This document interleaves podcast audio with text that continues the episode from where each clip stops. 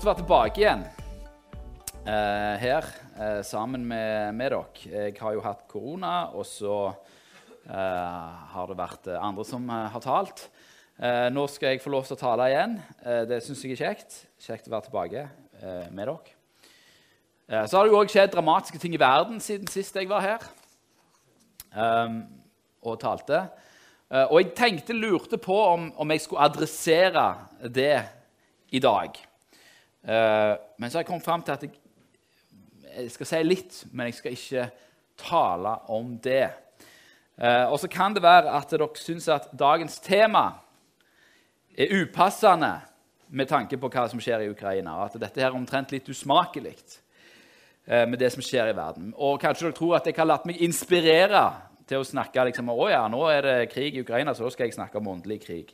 Eller at dette er en åndelig krig. Men dette er tilfeldig. Eh, dette er noe som jeg har hatt lyst til å sagt noe om lenge. Eh, som jeg da vurderte å droppe for å adressere det som skjer i Ukraina. Eh, men jeg har kommet til at det ikke er nødvendig å adressere for mye det som skjer i Ukraina. Og det er ikke fordi det ikke er viktig, for det er det. Den krigen kommer til å få følger for landet vårt i form av økte priser. Vi ser bare bensinprisen rett i taket. Eh, strømprisene er jo høye. Matvareprisene kommer til å være høye. Eh, vi kommer til å få flyktninger. Eh, kanskje kommer det òg brødre og søstre til oss her på Betel, som vi må ta oss av.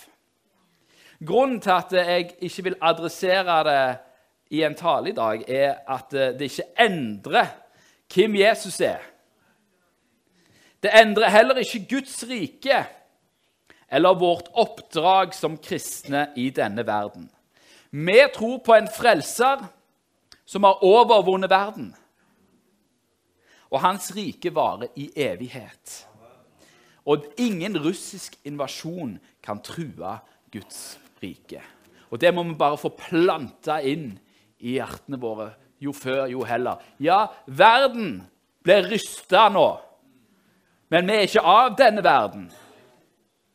Vi er en del av Guds rike. Og selv om vi er i denne verden, så trenger vi ikke å være redde. Eh, men jeg tenker at eh, når det gjelder Ukraina-situasjonen, eh, så, så, må vi be. Vi har lov til å be om fred. Og, så, og hvis vi kjenner på frykten, for det kan vi jo kjenne på De to-tre første, to, første dagene så gikk det kokte det hardt i hodet mitt òg. Det gjør jo det. Hverdagen vår blir plutselig endra. Nyhetsbildet blir endra. Og samtidig, samtidig så kjenner jeg på en fred. Fordi ja, det er jammen godt at jeg er frelst. Ja. Og Så er det spørsmålet om vi lever med nå i de siste tider eller de aller siste tider. Jeg er ikke så opptatt av det. Ikke fordi det heller ikke er viktig, men fordi jeg vet at de siste tider er i Herrens hender. Alt er i Herrens hender. Sant? Gud har tillatt dette, uh, og, og, han har en plan i det. Ikke at han har en plan med det, men han har en plan i det. Mm.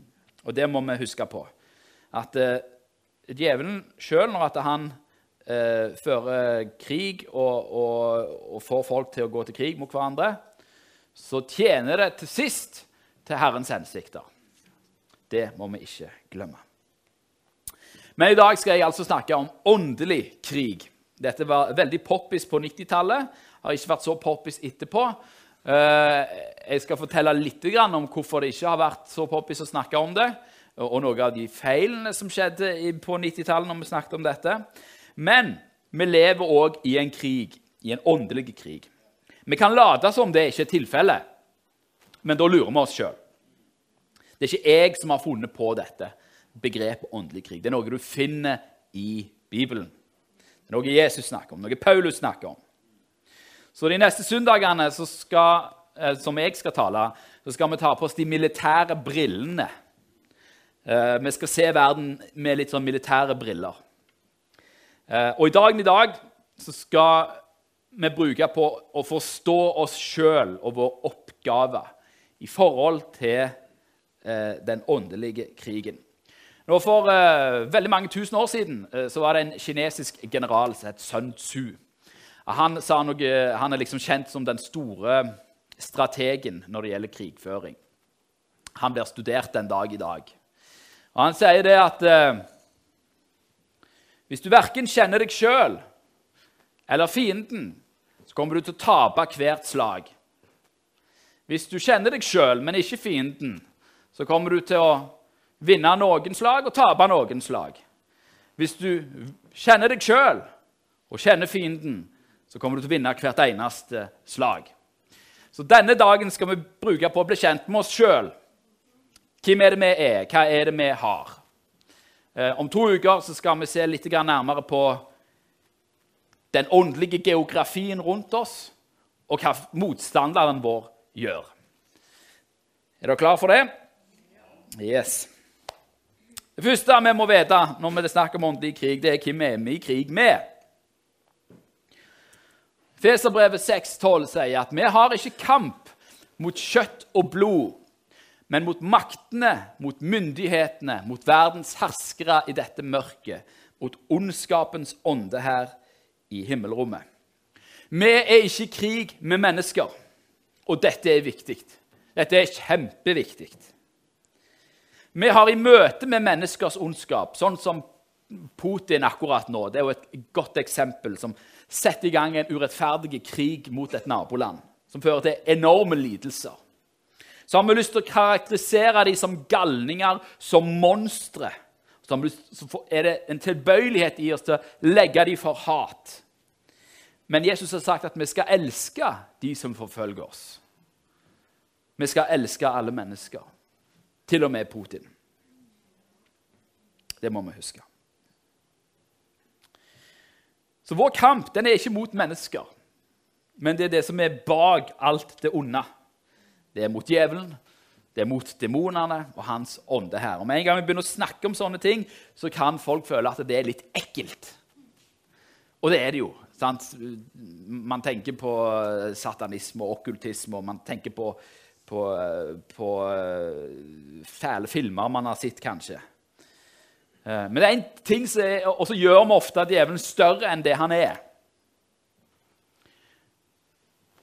Det vi må vite om djevelen og hans rike, det er en ting som er veldig viktig å vite. Det er at han har tapt allerede.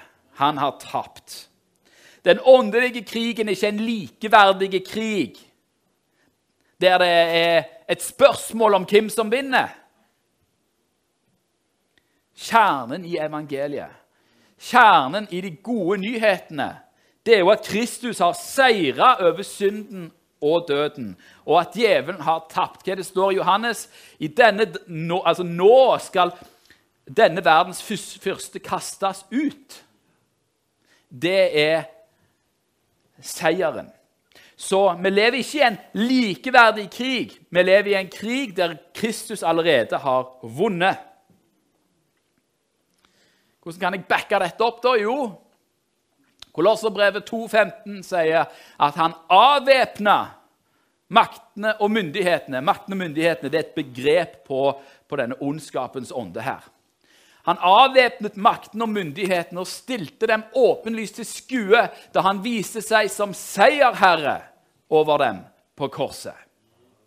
Og Efeserbrevet 1, 20-21 sier at eh, Han snakker om Guds kraft. Så, så, sier Paulus at det var denne han viste på Kristus da han reiste ham opp fra de døde og satte ham ved sin høyre hånd i himmelen, over all makt og myndighet over alt velde og herredømme og over hvert navn som nevnes. Ikke bare i denne verden, men også i den kommende. Så Jesus er på tronen. Jesus har seira. Og så kan vi jo spørre oss, da Hvorfor i verden er det da en åndelig krig når djevelen har tapt? Hvorfor, hvorfor, må jeg forholde meg til en åndelig krig? Og hvis vi er ærlige, så merker vi jo av og til at uh, det er litt brytninger inni oss. Gjør vi ikke det? Ja. Uh, vi kan oppleve fristelser, vi kan oppleve uh, motstand. Det er ikke bare lett å bare dele evangeliet. Så hvorfor opplever vi da motstand når Jesus har vunnet? Jo, Det er fordi at selv om djevelen har tapt, så er han ennå ikke tilintetgjort. Og For å illustrere dette her, så skal jeg ta dere med litt inn i krigshistorie. Og Det er fra andre verdenskrig. Hvis du ser på bildet til venstre der, så er det slaget ved Midway i 1942. Og bildet under teksten er slaget om Stalingrad, som ble avslutta i februar 1943. Når andre verdenskrig ble i realiteten avgjort ved disse to slagene. I slaget ved Midway så ble eh, store deler av eh, den japanske hangarskipsflåten tatt av amerikanerne. Og eh, tyskerne de led nederlag i slaget om Stalingrad i 1943. Eh, og, og de kom seg aldri på beina igjen etter det. I realiteten så ble krigen, andre verdenskrig ble avgjort ved disse to slagene. Men krigen var jo ikke over før i 1945. Så selv om krigen var avgjort, så var ikke krigen over. Og sånn er det òg i den åndelige krigen. Den åndelige krigen er avgjort, men den er ikke over. Sant? Kristus har seira, men djevelen er ikke tilintetgjort.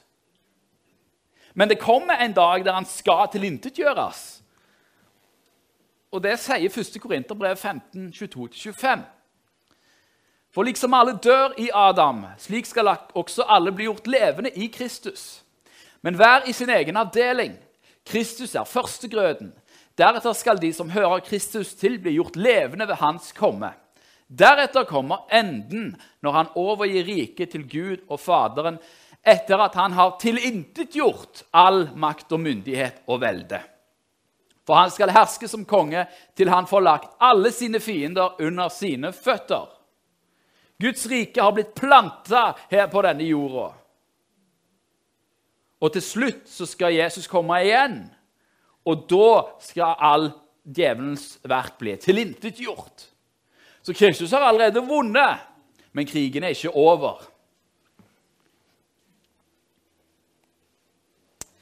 Så er jo da spørsmålet hva er da vår rolle i dette her, i dette bildet? I, mellom at det er avgjort, for det er avgjort, og at det er over, for det er ikke over. Så hva er vår rolle i denne åndelige krigen? Jo, vi er en del av Guds redningsaksjon.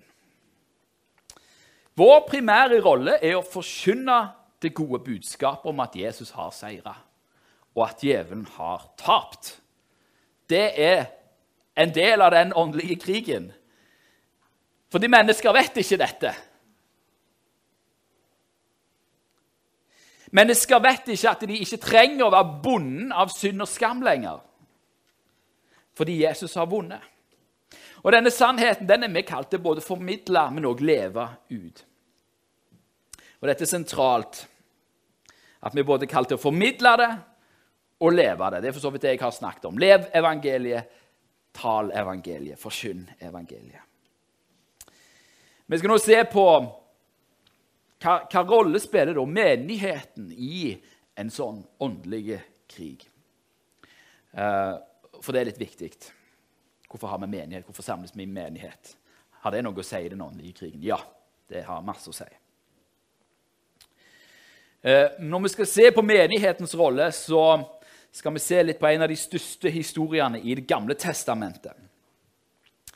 Når vi tror at hele Bibelen i bunn og grunn handler om Jesus Til og med Det gamle testamentet handler om Jesus og livet med han. Derfor er det sånn at store deler av Eh, Israels historie i Det gamle testamentet ikke bare er historier om hva Gud har gjort en eller annen gang der bak, men de formidler noen evige sannheter om hva Gud gjør til enhver tid, her og nå.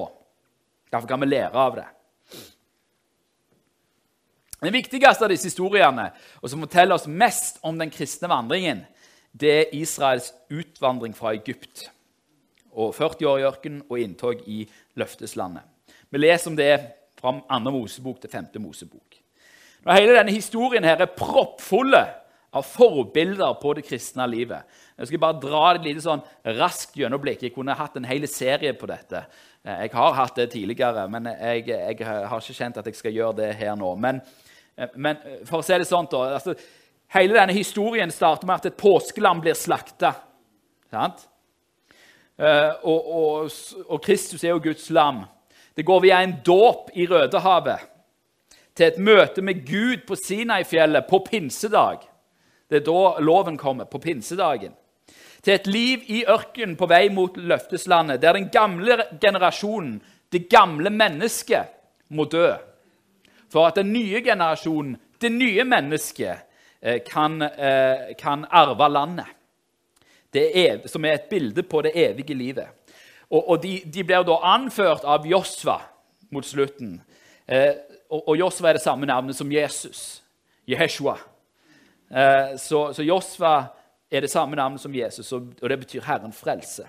Så Hele denne historien er et bilde på den kristne vandringen. Fra du blir frelst, til du blir døpt, til du blir åndsdøpt, til du lever i en helliggjørelsesprosess der det gamle mennesket dør, det nye mennesket vinner fram, inntil du vinner evig frelse. Og veien gjennom det hele er Kristus.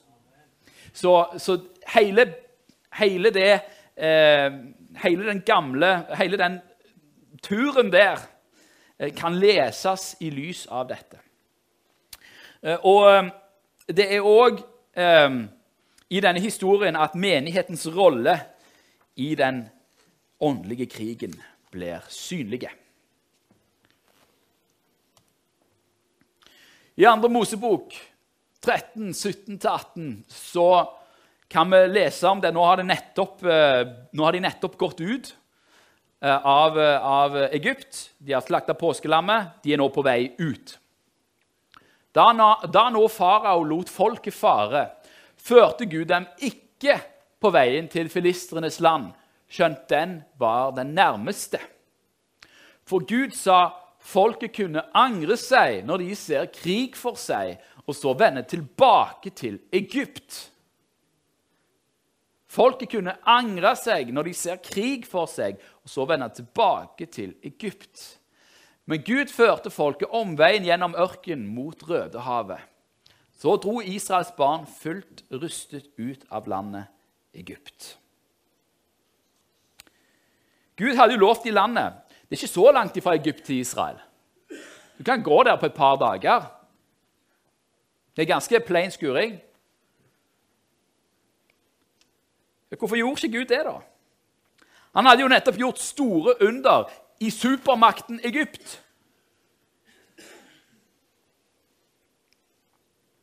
Kunne ikke han fjerne all motstand som kom? Jo, selvfølgelig kunne han det. Alt er mulig for Gud. Men folket var ikke forberedt på det. Disse hadde vært slaver hele livet. Det var det de kjente til. For israelsfolket hadde det vært langt tryggere å vende tilbake til et kjent liv i slaveri enn å være et fritt folk i krig. Når de kom ut av Egypt, så var ikke de forberedt på krig. De hadde nettopp vært slaver. De hadde mot, de hadde aldri slåss. De visste ikke hva dette var så, så, så hadde de møtt krig, så hadde de flykta tilbake. Nå var jo dette her en fysisk krig, da. Men vi, vi er jo ikke kamp mot kjøtt og blod, så vi overfører alt dette fysiske til en åndelig virkelighet. Hva gjør da Gud? Jo, han tar dem med på leir. Noen her som har vært på leir? Ja. Eh, jeg møtte Jesus på leir. Jeg ble døpt i Den hellige ånd på leir. Det er noe med leir.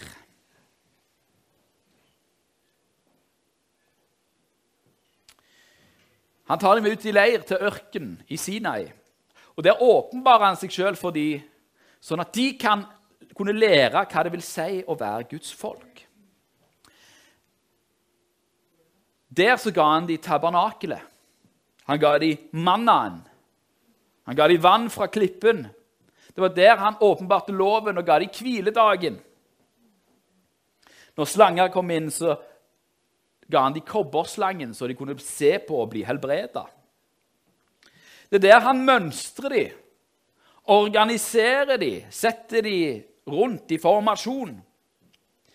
Og han gjør de klar til den krigen som ligger foran dem.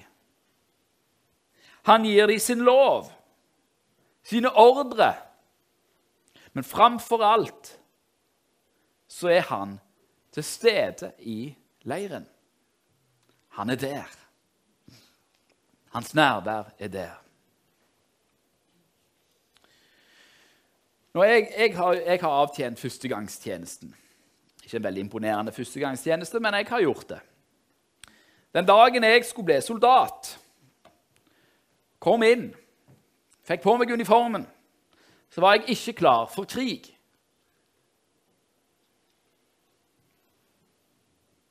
Jeg var soldat, men jeg var, ikke, jeg var ikke klar for krig.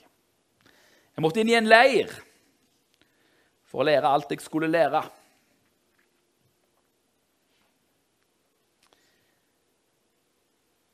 Jeg har aldri skutt med, et, med ei angrepsrifle før. Etter seks uker så kunne jeg ta fra, en, ta fra et maskingevær og sette det sammen igjen på under to minutter. 30 sekunder tok jeg på å ta det fra, og så ett minutt på å sette det sammen igjen. Jeg lærte noe. Jeg terpa på det. terpa, parpa. Terpa på å gå opp i rett. Hilse på den, på den skikkelige måten. Det skal være 90 grader, sånn og sånn. Tommelen skal ikke synes. Beina skal være sånn at du kan ta en knyttneve mellom. Det er ganske sånne, Og du skal gå opp til knehøyde når du på en måte setter foten ned. Sånn. Terpa. Opp igjen, om igjen, om igjen. Klar til krig. Israelsfolket var ikke klar for krig. Gud tok dem med ut i ørkenen, på leir, for at de skulle lære. Når du, med, når du ble en kristen, så ble du plutselig en soldat. Eh, det, det, latinske ordet for hedning, som de brukte om de som ikke var kristne i den første romerske tida, det var paganus, eller pagan. Ordet paganus det betyr enten landsbyboer eller sivilist. Altså en som ikke er i krig. Så en som, er, en som ikke er kristen, er en som ikke er i krig. Det er en sivilist. Mens du som er kristen, du er soldat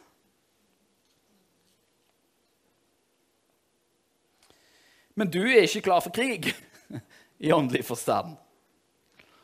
Så hva gjør Gud da? Jo, han sender deg på leir. Hvor sender han deg hen? Han sender deg her. Velkommen til militærleiren.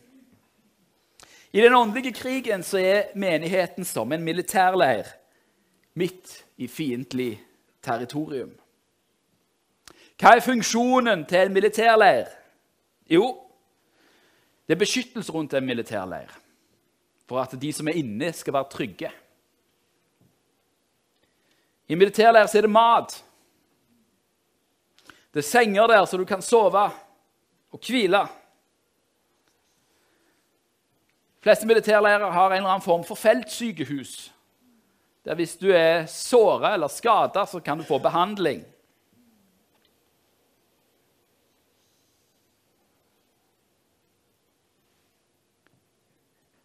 En militærleir er òg en arena for trening. Det er en arena for utrustning. Det fins våpen og ammunisjon der. Så er det òg en kommandosentral for ordre så er det sånn at i en militærleir som er i krig, så er det noen som er på vei inn, og så er det noen som er på vei ut. Og jeg vet ikke hvor du er hen i ditt, i ditt åndelige liv. Kanskje er du på vei inn. Og med det mener jeg at eh, du har kjent den åndelige krigen på kroppen din. Du trenger trygghet. Du trenger åndelig mat. Du trenger hvile Du trenger helbredelse. Kanskje er din hverdag mørke, og du trenger et lys inn i den hverdagen. Og Da håper jeg at du finner det her. For det er en av de tingene som menigheten er ment å være. Det er en plass der du skal, kan få mat. Det er en plass der du kan få hvile, sette deg ned. ok, Nå glemmer jeg arbeidsuka som har vært, og så bare Nå er jeg bare Det å være i lovsang, bare være i hans nærvær. Det er en plass for å bli bedt for, motta helbredelse. Det er en plass som kan være trygg. Hvis du har det sånn, så er du på vei inn, og da er du velkommen. Men, eller kanskje er du på vei ut. Du er mett.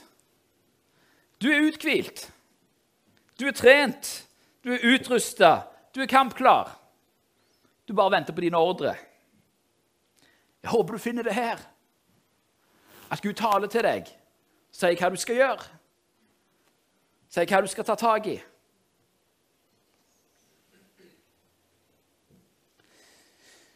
Og Grunnen til at alt dette fins i menigheten, er jo ikke pga. meg eller de eldste. Grunnen er fordi at det, i menigheten så møter vi vår hærfører, Jesus Kristus. Det er han som gir trygghet, mat, hvile, helbredelse. Hva er det han sier, Jesus? Han sier, 'Kom til meg og drikke. Kom til meg og spis.' Kom til meg, alle som strever og har tunge byrder, og jeg vil gi dere hvile. Ja. Ingen er som trygg i fare, vet du, som den Guds lille barneskare.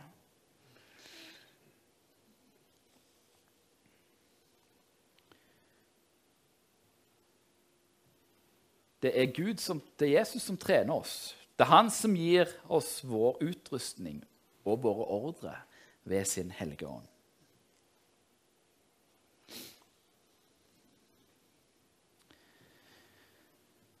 Der to og tre er samla i hans navn, der er han midt iblant de. Derfor er menigheten der Jesus er. Jesus er her nå. Han er her for å han er her for å gi deg mat og hvile og trening og alt det du trenger i den åndelige krigen. Men det du også skal legge merke til, og som er på en måte menighetens begrensning Menigheten har en veldig viktig rolle, men det er òg en begrensning. Og det er at eh, selve krigen sjelden utkjempes her. Sant? Her er det trygt å være, her er det godt å være, her kan du få næring og sånt. Dette er et støttepunkt. Men krigen skjer utenfor. Fra mandag til lørdag er den hverdagen du lever i. Dette er plassen for påfyll, for hvile, for å feire seieren vi har i Kristus, for å bli utrusta til det som ligger foran. Men krigen kjempes i hjemmet, på jobb og skole, i familien, blant venner og naboer, i bursdager, på håndballtreninga til barna deres, i sy syklubben, i motorsykkelklubben, blant turkamerater, der ute der er der kampen kjempes. Så Det er en, en viktig ting å vite med det som handler om en leir, en militærleir i et fiendtlig territorium, er ikke en permanent struktur. Det er en struktur for et folk på vandring. Vi snakker ofte om menigheten som et åndelig hjem, og det er sant.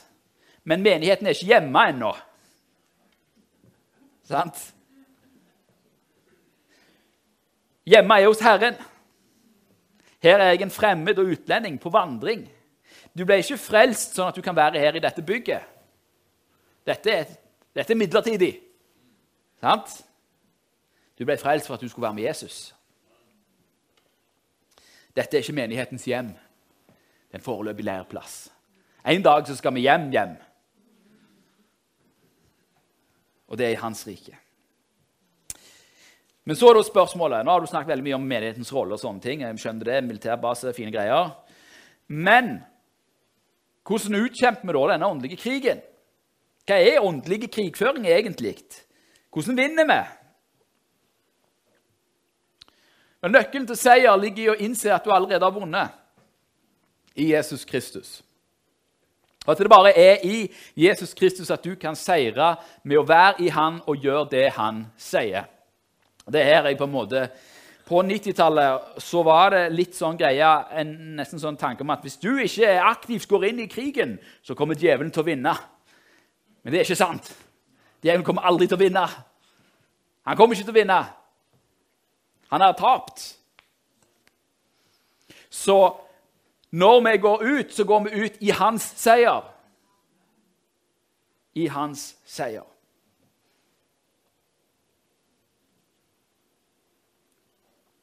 Første Korinterbrev 1557 sier Men Gud være takk, som gir oss seier ved vår Herre Jesus Kristus. Og Feserbrevet 6,10 sier for øvrig bli sterke i Herren og i Hans veldige kraft. Jeg er ikke sterk. Jeg kan ikke slåss mot uh, åndemakten i verden. Jeg er et menneske, forgjengelige, alskens lyster som går hei og hå alle veier. Men Kristus har vunnet. Sant? Så hvis jeg går i Han, så kan jeg vinne. Og dette er ja. Nøkkelen til seier det er, det å la Gud ta kampen. Og det, Dette har vært sannheten gjennom hele Bibelen. Israel kunne aldri vinne alene. Har du sett på hvor Israel er plassert? Midt mellom to imperier. Et egyptisk i sør og et asyrisk-babylonisk i nord. Kunne aldri overleve på egen hånd.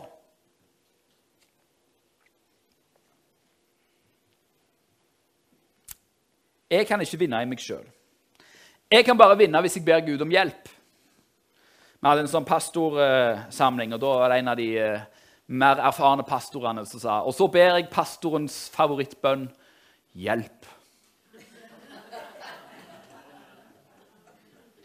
Det var så befriende når han sa det.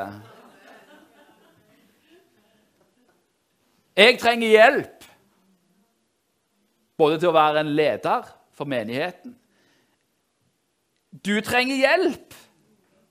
Men de gode nyhetene er at det fins hjelp.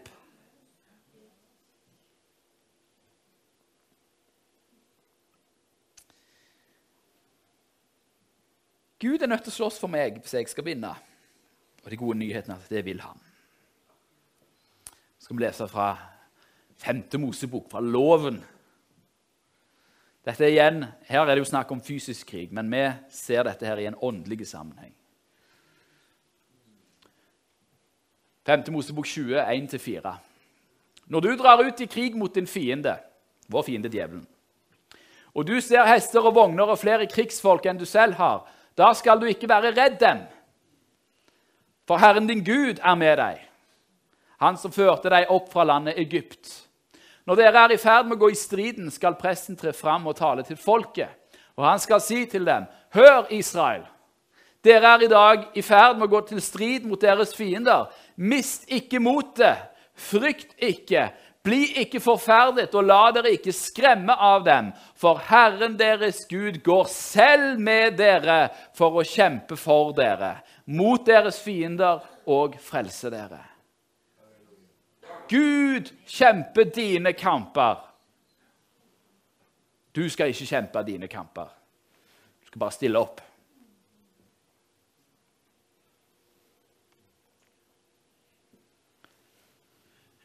Den kjente historien om David og Goliat. Når du er liten unge, så tenker du at eh, David vant fordi han var mye smartere enn Goliat, og fordi han var veldig god med slynga.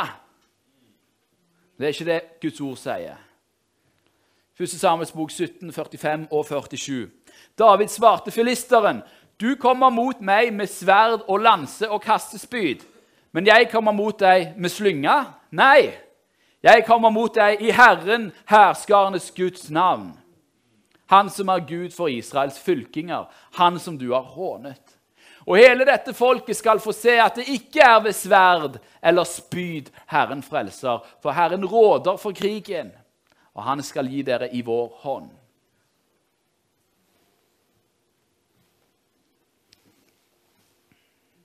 Hvordan ser åndelige krig ut? Neste gang skal vi snakke litt om åndelig forsvar, men nå, i dag skal vi se på åndelig angrep. Det ser sånn som dette ut. Jeg syns dette er et ganske treffende bilde. Her ser dere masse soldater som går etter ei stridsvogn. For stridsvogna det er den som på en måte vinner her, og så bare følger soldatene etter. Herren han går foran ham til seier. Når vi følger han der han går, i Herrens kraft, gjør det han har sagt, står på hans ord, så blir Kristi seier vår. Det som kjennetegner disse soldatene, er at de følger etter stridsvogna. Alle skudd treffer stridsvogna, som kan tåle det. Våpenet her er jo ikke disse her pingleriflene til de som er bak. Det er kanoner på, på stridsvogna. På samme måte er det med oss. Du skal ikke gå ut i krig mot djevelen, du skal bare følge etter Jesus. Hvordan ser det ut, da? Jo, hver eneste gang du ber, hver eneste gang du gjør en god gjerning, hver eneste gang du forsyner evangeliet, hver eneste gang du ber for syke, hver eneste gang du tilgir, hver eneste gang du ber om tilgivelse, så tar du del i Herrens seier. Hver eneste gang du gjør noen ting av disse tingene, så er det åndelige krig, og du vinner. Det er ganske oppmuntrende å tenke på. Hva du tenker deg hva alarm som går hos ondskapens ånde her når du står opp om morgenen og bestemmer deg for å be? Og så, vi ber jo her hver altså, tirsdag til, til, til, til, lørdag. Nei, tirsdag til fredag. Så har vi morgenbønn her. Disse fæle folka på Betel som ber. Hver gang du åpner opp Bibelen, så er det seier. Hver gang du forkynner, så er det seier. Hver gang du, du, du gjør noe av disse greiene, så er det åndelige krig, og det er angrep. Og djevelen hater det. Derfor må vi gjøre det litt ekstra. Det er dette som er åndelig krig, dette som er åndelig angrep. Du gjør det han ikke vil at du skal gjøre. Og hver gang du gjør det han ikke vil at du skal gjøre, så er det å ta del i Kristi seier. Men du må gjøre det i hans kraft, da. Ikke i din egen. Det er han som går foran. Det er han som skal ha all ære.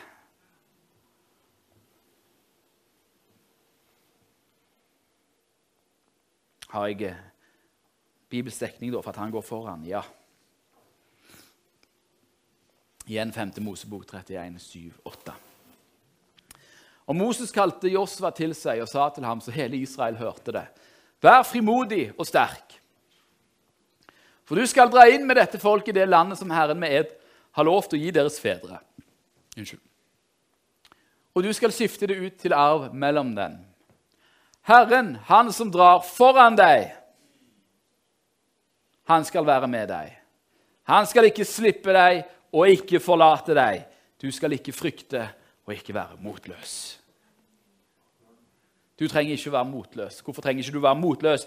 Herren har vunnet. Jesus har seira. Derfor kan vi være frimodige.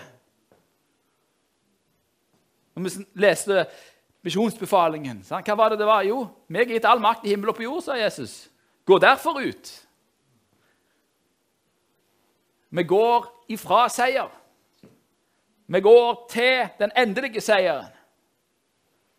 Og hver gang vi minner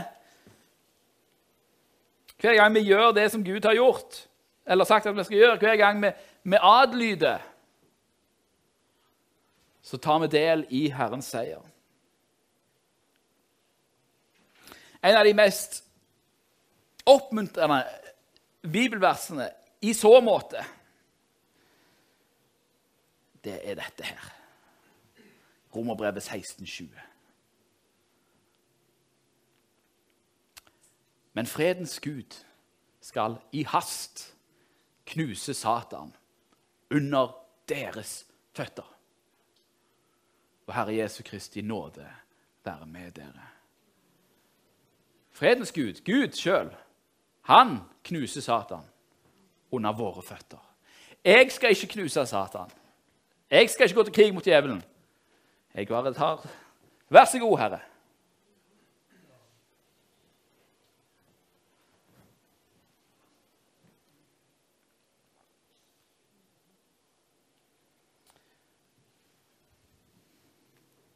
Dette er òg hemmeligheten i forsvar. Selv om vi ikke skal snakke så mye om det nå. Men Så jeg blir frista til noe. Til å gjøre det som jeg, Gud ikke vil at jeg skal gjøre. Så, så, så hjelper det ikke at jeg står og prøver å slåss mot fristelsen. Jeg slåss ikke mot fristelsen. Jeg henviser fristelsen til Jesus. Dette får, jeg er korsfesta med Kristus. Jeg. Dette får du ta med Han. Jeg er ikke min egen herre. Sånn at det, og, og, og det vi vil gjøre, det er at hver gang at djevelen banker på døra, så er det Jesus som åpner. Er du med? Fordi du har videresendt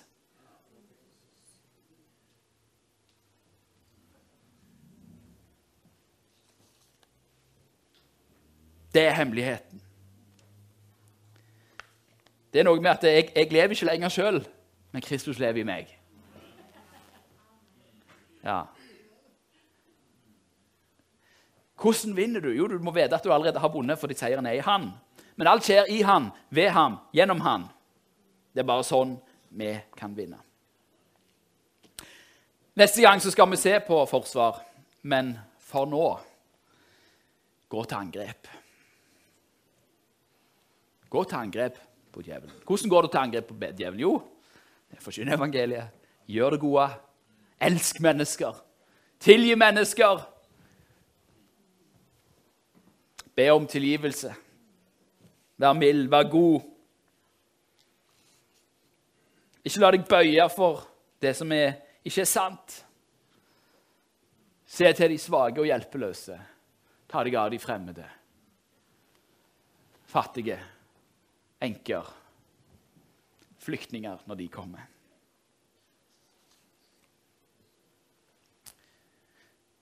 Vær frimodige. Kristus har seira. Krigen er avgjort. Han er ikke over.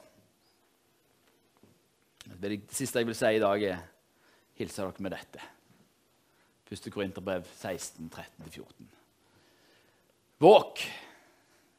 Vær på vakt. Stå fast i troen. Vær mandige. Hva det betyr da? Vær mandige. Hva, hva mener du med Bibelen? Det, det, er et kapittel i seg sjøl. I denne sammenhengen så er det Ikke la deg vippe av pinnen. Vær sterke. La alt hos dere skje i kjærlighet. Kjærligheten er det som overbinder det onde.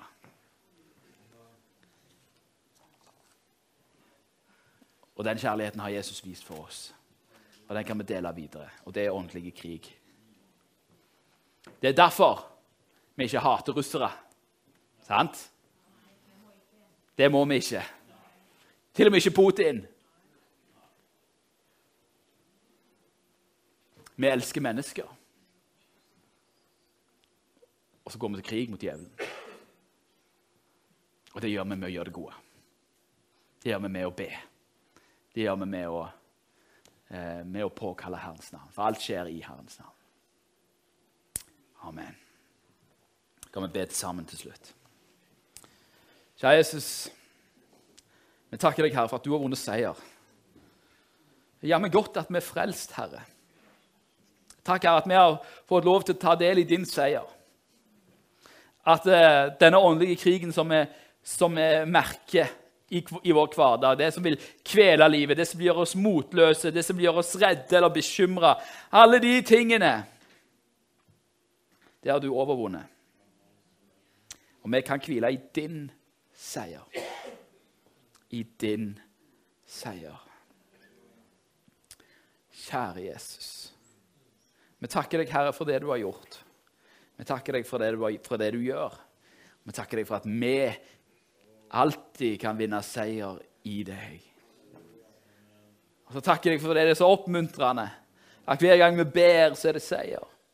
Hver gang vi lovpriser deg, så er det seier. Hver gang vi, vi, vi elsker de som er rundt oss, så er det seier. Det er seier i hver klem, det er seier i hvert gode ord. Det er seier i alt det som er godt, Jesus.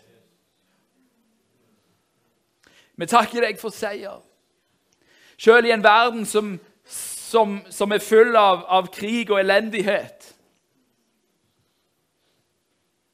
så har vi en seier som aldri kan gå vekk. Vi takker deg, Jesus, at du har vunnet krigen. Og så ber vi, deg, Herre, om at du skal gi oss kraft og styrke og nåde til å kunne stå i den delen av krigen som ennå, ikke, er vond, ennå ikke er over, selv om du har vunnet. Jeg ber om at vi skal få lov til å gjøre vår del.